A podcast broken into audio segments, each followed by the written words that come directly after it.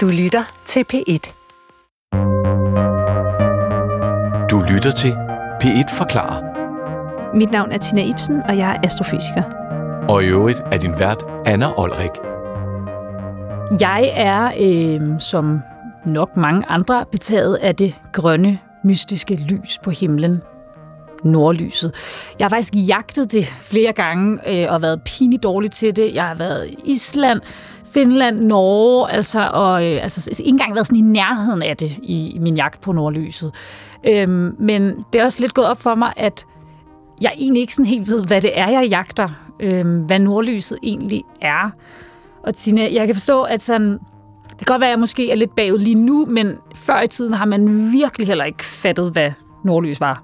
Nej, det er nemlig rigtigt. Altså, øh, der, der er sindssygt mange sjove fortællinger og myter øh, om nordlyset, fordi man, og det kan man også godt forestille sig, at lige pludselig så bliver himlen grøn og rød, og altså, hvor kom det fra? Særligt steder som, lad os sige, Danmark eller Nordtyskland, hvor det ikke skete så ofte.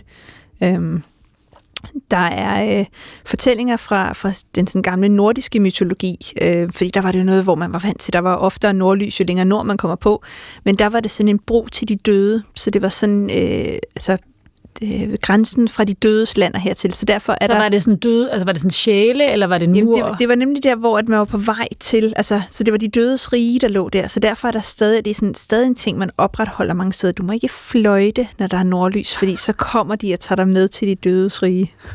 Vær så, super flabet at tage til Island med en eller anden fløjte og bare gå rundt, ikke? Øh, så er der fortællinger over fra, fra Kina med, at de troede, det var to drager, der kæmpede på himlen.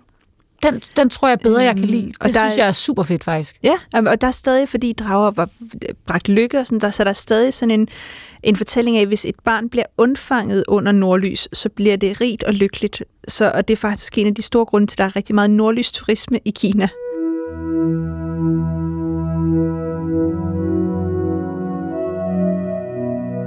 Det er kinesere, der gerne vil ah, okay. undfange børn så de under tager nordlyset. Til, så de tager til steder nordpå, i verden, der ja. er okay, så der kommer sådan en masse kinesere til Island for, at lave lige at, at hygge sig. Og, okay, sindssygt.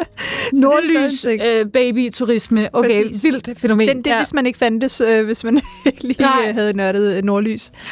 Øh, og så endelig er der så fortællinger tilbage fra middelalderen, hvor der har været øh, voldsom nordlys, for eksempel i Tyskland i Bøhmen, øh, midt om natten, hvor at... Øh, Øh, at, at, at klokkerne ringede fra byen, fordi der var det her mystiske grønne lys, og vagterne vækkede alle og fik mod at så øh, på det her lys, og præsterne gik rundt og sagde, det er Guds fred. I har ikke opført jer ordentligt. I har syndet. Det er Gud, der viser, at han er vred på os alle sammen. Øh, og efter sine skulle kirkebøsserne også have været meget fyldte øh, søndagen derefter. Men den forstår jeg slet ikke, fordi altså, hvorfor skulle Gud straffe med sådan et mega fedt lysshow? Altså, der, der, der føler jeg, at Ja. man ikke lige har haft øh, sin historie men, på men jeg tror, det er det her med, man, altså, hvis man ikke umiddelbart ved, hvad det er, og forstår det et naturligt fænomen, så må det også have virket skræmmende. Altså på samme måde som en solformørkelse, eller altså, hvor solen forsvinder, eller en måneformørkelse, hvor månen bliver helt rød. Altså så kan det jo godt have virket sådan ildevarslende, ikke? Ja, det giver mening. Men altså, nu i dag, så øh, ved man jo lidt mere. Hvad er det, de har? Altså, det jo selvfølgelig, kineserne kommer stadig til Island for øh, æggelysning og nordlys, alt sådan noget. Øhm, men, men altså, når de så kigger op på himlen og ser det her lys, som jo ikke er døde sjæle eller drager, hvad er nordlys? Jamen, nordlys er faktisk jordens atmosfære, der bliver bombarderet af partikler fra solen. Der er sådan en lang fortælling før det, men, men reelt så er det partikler fra solen, der brager ind i for eksempel det ilt, der ligger i vores atmosfære. Og når det rammer det her ilt, så, øh, så får det det til at lyse. Øh, og særligt ilt i sådan en højde fra 90 til 150 km over jordens overflade, det lyser grønligt, når, øh, når det bliver exciteret, siger man. Så det brager ind i det, og så får det simpelthen øh, atmosfæren til at gløde i de her øh, særlige farver. Og hvorfor? Altså, fordi jeg har set også, at der også kan være nordlys i lilla farver. Altså, sådan, hvor, hvor, hvad er det hele det der farvespænd? Er det alt efter, hvad det er, der rammer, eller hvor det rammer? Ja, både hvad og hvor. Øh, så så for- det grønne er det mest normale nordlys, vi har, fordi der har vi en atmosfære, som er forholdsvis tyk, og i det her lag af atmosfæren, der er rigtig meget ilt. Længere oppe over de her omkring 150 km over og lidt længere op, der har vi også ilt, men det er på en, det er en lidt anden type øh, af ilt, og når det bliver ramt af stråling fra solen, så gløder det rødt. Og længere nede, sådan en sjældent gang imellem, kan man få det her sådan violette øh, nordlys, og det ligger fra sådan 70-90 km over øh, jordens overflade.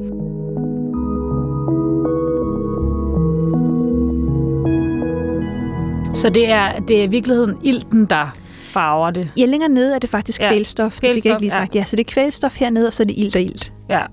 Men så siger du, at øh, altså fordi, ja, altså det rammer bare der. Ja, hvorfor, hvor, hvor er det, det kommer fra? Fordi det er partikler fra solen, fra solen ja. som rammer. Hvorfor gør de det? Hvor, altså ja, de kommer fra solen af, men, men hvorfor? Jamen, så det, så det er sådan, hvis vi kigger på solen, så, øh, så har øh, solen et voldsomt magnetfelt. Øh, jorden har også et magnetfelt, men det har solen også.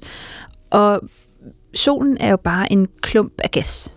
Øh, men det er en klump af gas, der er så varm, at det faktisk er på det, vi kalder for plasmastadiet. Så en plasma, man kender faktisk plasma fra sin hverdag, fordi når man tænder et sterinlys, så flammen på sterinlys, det er en plasma også. Så det er egentlig bare en meget, meget varm gas. Altså, hvad, så flammen, så flammen er Det er plasma, ja, præcis. Øhm, så man skal forestille sig, det er lidt af det samme med, med solen, som jo selvfølgelig bare er meget, meget større. et gigantisk sterinlys. Et gigantisk ja, flamme på et sterinlys, kan man næsten sige. Øh, der jo selvfølgelig virker lidt på en anden måde. Men det er sådan, når man har øh, plasma, så er det faktisk sådan, at den her gas, man har, den begynder at opføre sig som en væske. Så vi kan beskrive solen som sådan en stor bold af væske næsten, hvis vi skal kigge på det Brændende som fysisk. væske. Ja, glødende væske, tror jeg. Øhm, men det er sådan, at når den så drejer rundt om sig selv, som den gør, så fordi det er en væske, så drejer den ikke jævnt rundt om sig selv, som for eksempel jorden gør. Uanset hvor vi er på jorden, så er døgn jo 24 timer, fordi det er jo bare en, en stor klump af sten, der drejer rundt om sig selv. Men det er ikke tilfældet på solen, og det betyder faktisk, at øh, ekvator på solen roterer hurtigere end resten af solen. Og det gør, at vi får det her magnetfelt, der bliver kludret, så det slår nærmest en knuder på hinanden og sådan noget. Jeg plejer at forestille mig lidt det som elastikker, det her magnetfelt. Og når det bliver kludret, så det, der kan ske, det er nogle gange, at det her øh, kludermor af magnetfelt, det kan, øh, kan knække over, og så skaber det det, der hedder et soludbrud, eller på engelsk en coronal mass ejection. Og der bliver så sendt voldsomme mængder, millioner tons materiale fra solen at det her varme plasma bliver kastet ud fra solen. Så det er sådan, det, fordi jeg kan ikke, er det noget, altså det drøber ned, eller, sådan, eller eksploderer det, det eksploderer ud? Eksploderer ud, ud ja. eksploderer ud 2.000 km i sekundet. Brager det ud. Millioner af tons af det her plasma. Bliver det sendt ud fra solen. Det rejser sig igennem solsystemet, og så kan det ramme jorden.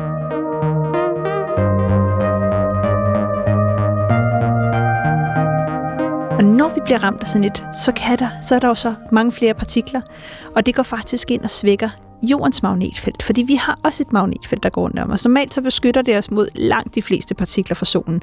Men når vi lige pludselig bliver bombarderet af noget så voldsomt som sådan en coronal mass ejection, så svækker det magnetfeltet. Det gør, at nogle af de her partikler de får lov til at rejse ned og brage ind i vores atmosfære. Men hvor de, de så bliver stoppet, ikke? De bliver så stoppet af vores atmosfære, for det er det, der skaber nordlyset.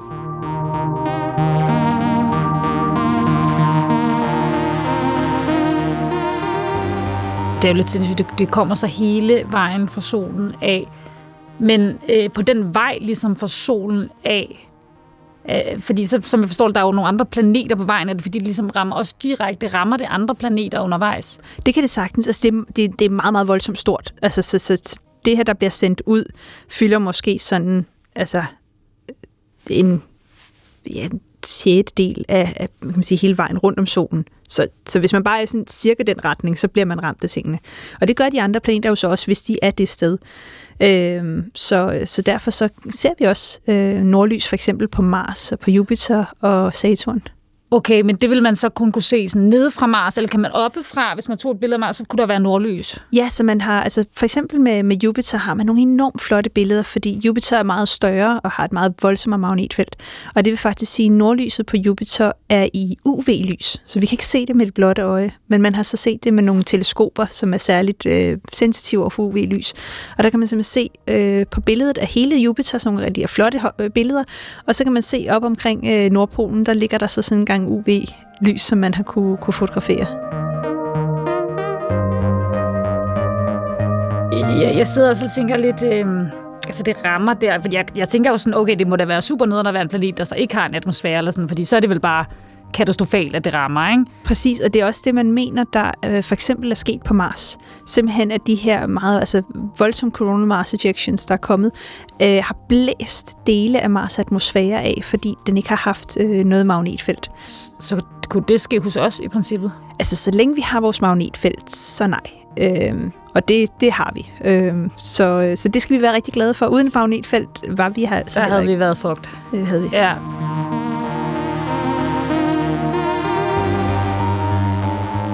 Så har vi det der magnetfelt og sådan noget, men når det rammer, altså fordi udover det har lys, altså har det nogen betydning for, hvad der sker nede på jorden, eller er det bare et flot lysshow, øh, som man kan klappe over eller have det fedt over? ja. Altså det, det kan have konsekvenser, øh, særligt for vores mere og mere teknologiske samfund, fordi det er øh, ladet partikler, der kommer, så de har en elektrisk ladning. Øhm, og det gør faktisk, at de går ind og påvirker for eksempel vores, øh, vores el system. Og det er sådan her, der er det nord eller syd på, så man skal sådan øh, højt nord på eller, eller langt øh, syd på, for det her kan ske.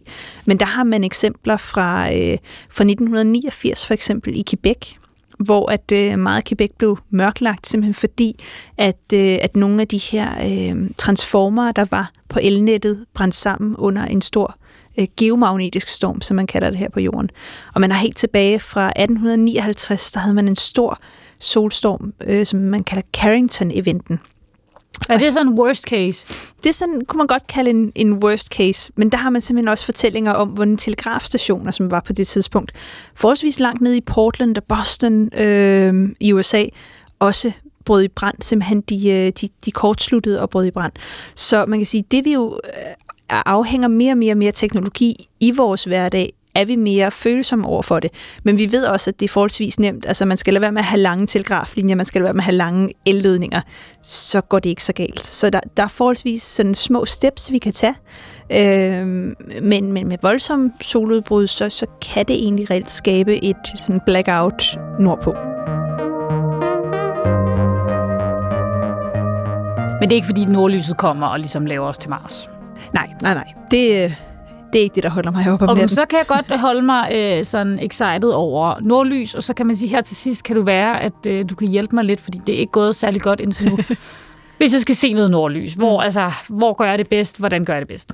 Så der er tidspunkter, hvor det er bedst at se nordlys på. Så det er faktisk sådan, det her kludrede magnetfelt, det er i en 11-årig cyklus for solen. Så når det er meget kludret, det er det hver 11. år, og så kan man sige, afkludres det, og så kludres det igen. Og vi vil jo gerne have et tidspunkt, hvor der er mange knuder på magnetfeltet, for så har vi mange af de her soludbrud. Det næste solmaksimum er i 2025. Så vi er Nå, på vej okay, mod noget nu. Så hvis du har kigget de seneste år, kan jeg godt forstå, at der ikke har været så meget at se, for der har faktisk ikke været så meget gang i solen. Men vi begynder nu at se, at der virkelig kommer gang i solen igen. Så det er det første. Sådan frem mod der. Det næste tidspunkt på året. Fordi vi ved faktisk, at omkring jævndøgn er jorden mere modtagelig over for stråling fra solen. Og det vil altså sige slutningen af marts og slutningen af september. Så det er gode tidspunkter at kigge på os. Så vil vi gerne have et tidspunkt, hvor at vi ikke har fuldmåne. Fordi fuldmånen går altså også ind og kan overskinde noget af det her lidt svage sollys. Så det er også en ting, tjek om der er fuldmåne. Men og så det sidste, det er, hvor skal man hen?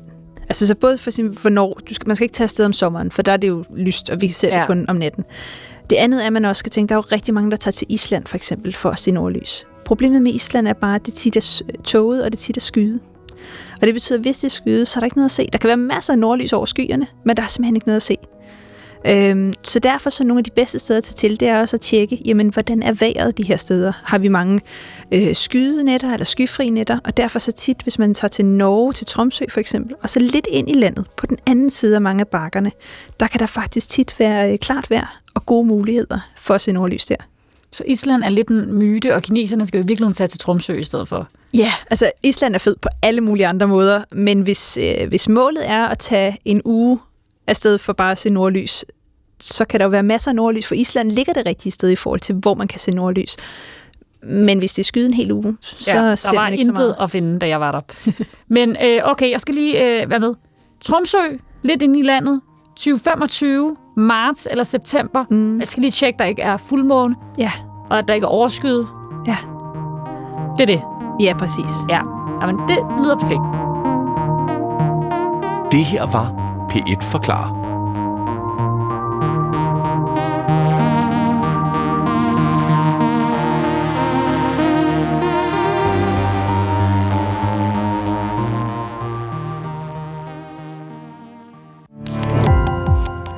Gå på opdagelse i alle DR's podcast og radioprogrammer. I appen DR Lyd.